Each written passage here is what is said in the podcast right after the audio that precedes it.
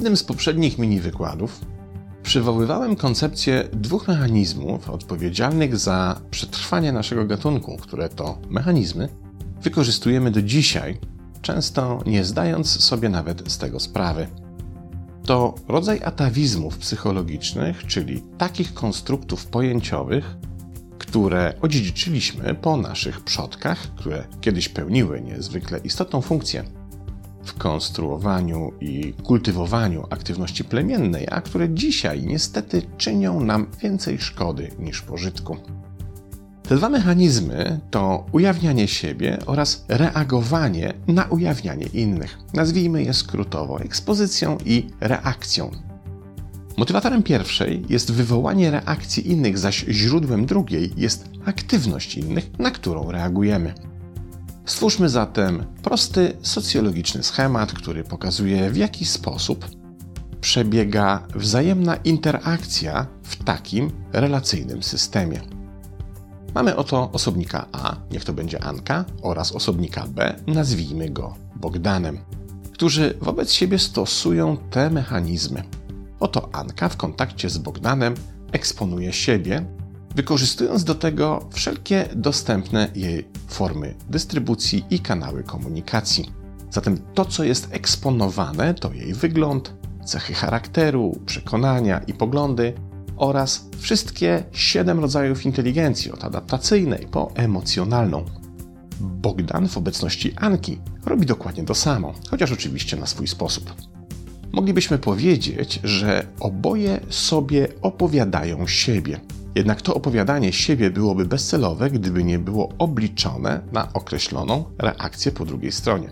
I tutaj pojawia się właśnie kolejny mechanizm, czyli to, że Bogdan w jakiś konkretny sposób reaguje na opowieść ekspozycyjną Anki. To są jej style narracyjne, przekazywane treści itd. Tak I oczywiście Anka odpowiada dokładnie tym samym, reagując na ekspozycyjny mechanizm stosowany przez Bogdana. Teraz, skoro już to wiemy, orientujemy się, że ich reakcje mogą mieć różne natężenie, które można zmierzyć na przykład poziomem zainteresowania. A to oznacza, że im bardziej atrakcyjna będzie ekspozycja po której ze stron, tym żywszą i bardziej pozytywną reakcję ona wywoła. Nie tylko my to wiemy, bo zdają sobie z tego doskonale sprawę również Anka z Bogdanem. To z kolei sprawia, że każdy z nich chce uczynić swój przekaz ekspozycyjny jak najbardziej atrakcyjnym, bo nagrodą za ten zabieg będzie odpowiednia reakcja, przynosząca spełnienie, zadowolenie i dumę z siebie. Oczywiście to nie jedyne profity.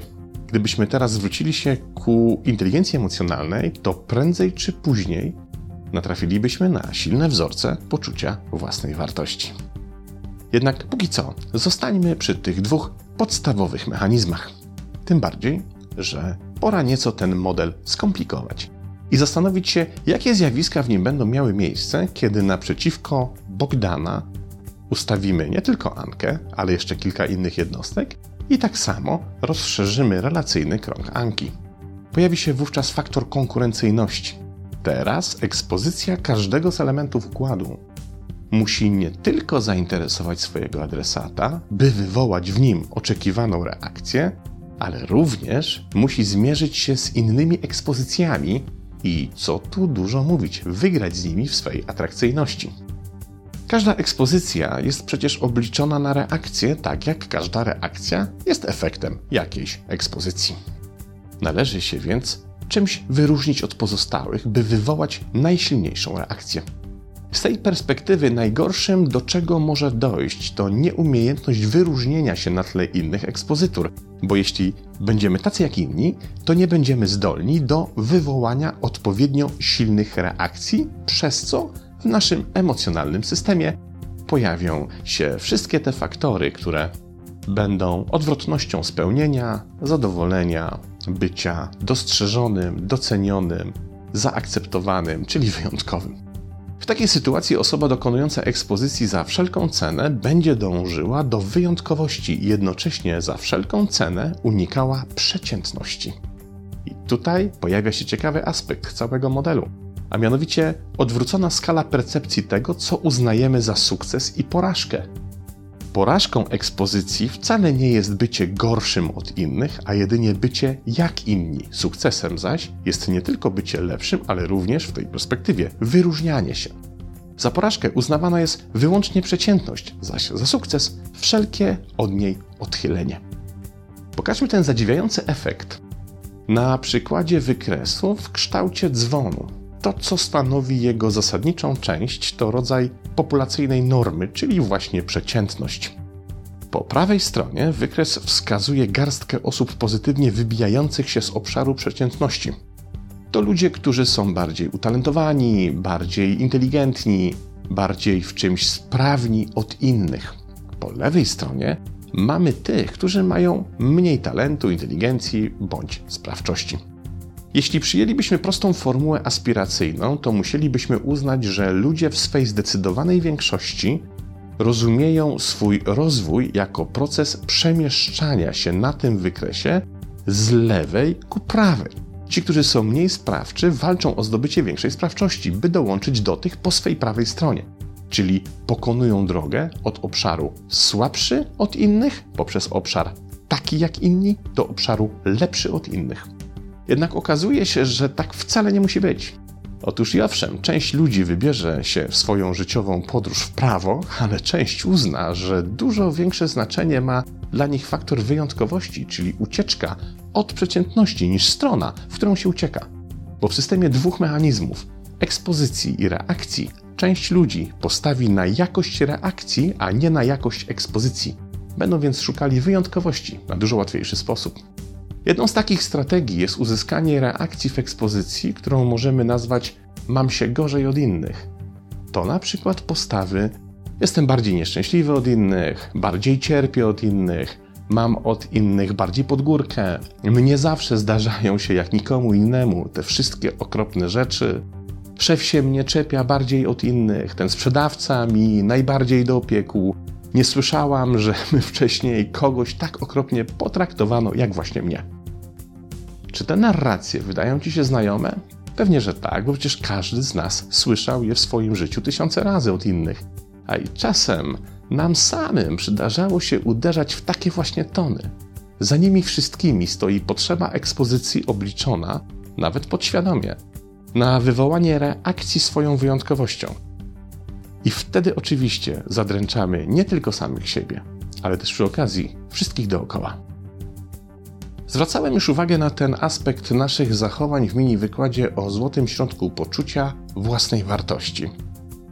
Mówiłem tam o tym, że potrzebę wyjątkowości implementuje nam społeczeństwo oraz nasi najbliżsi, nawet na najwcześniejszym etapach życia, wmawiając nam, że przeciętność to najgorsze, co nam się może zdarzyć.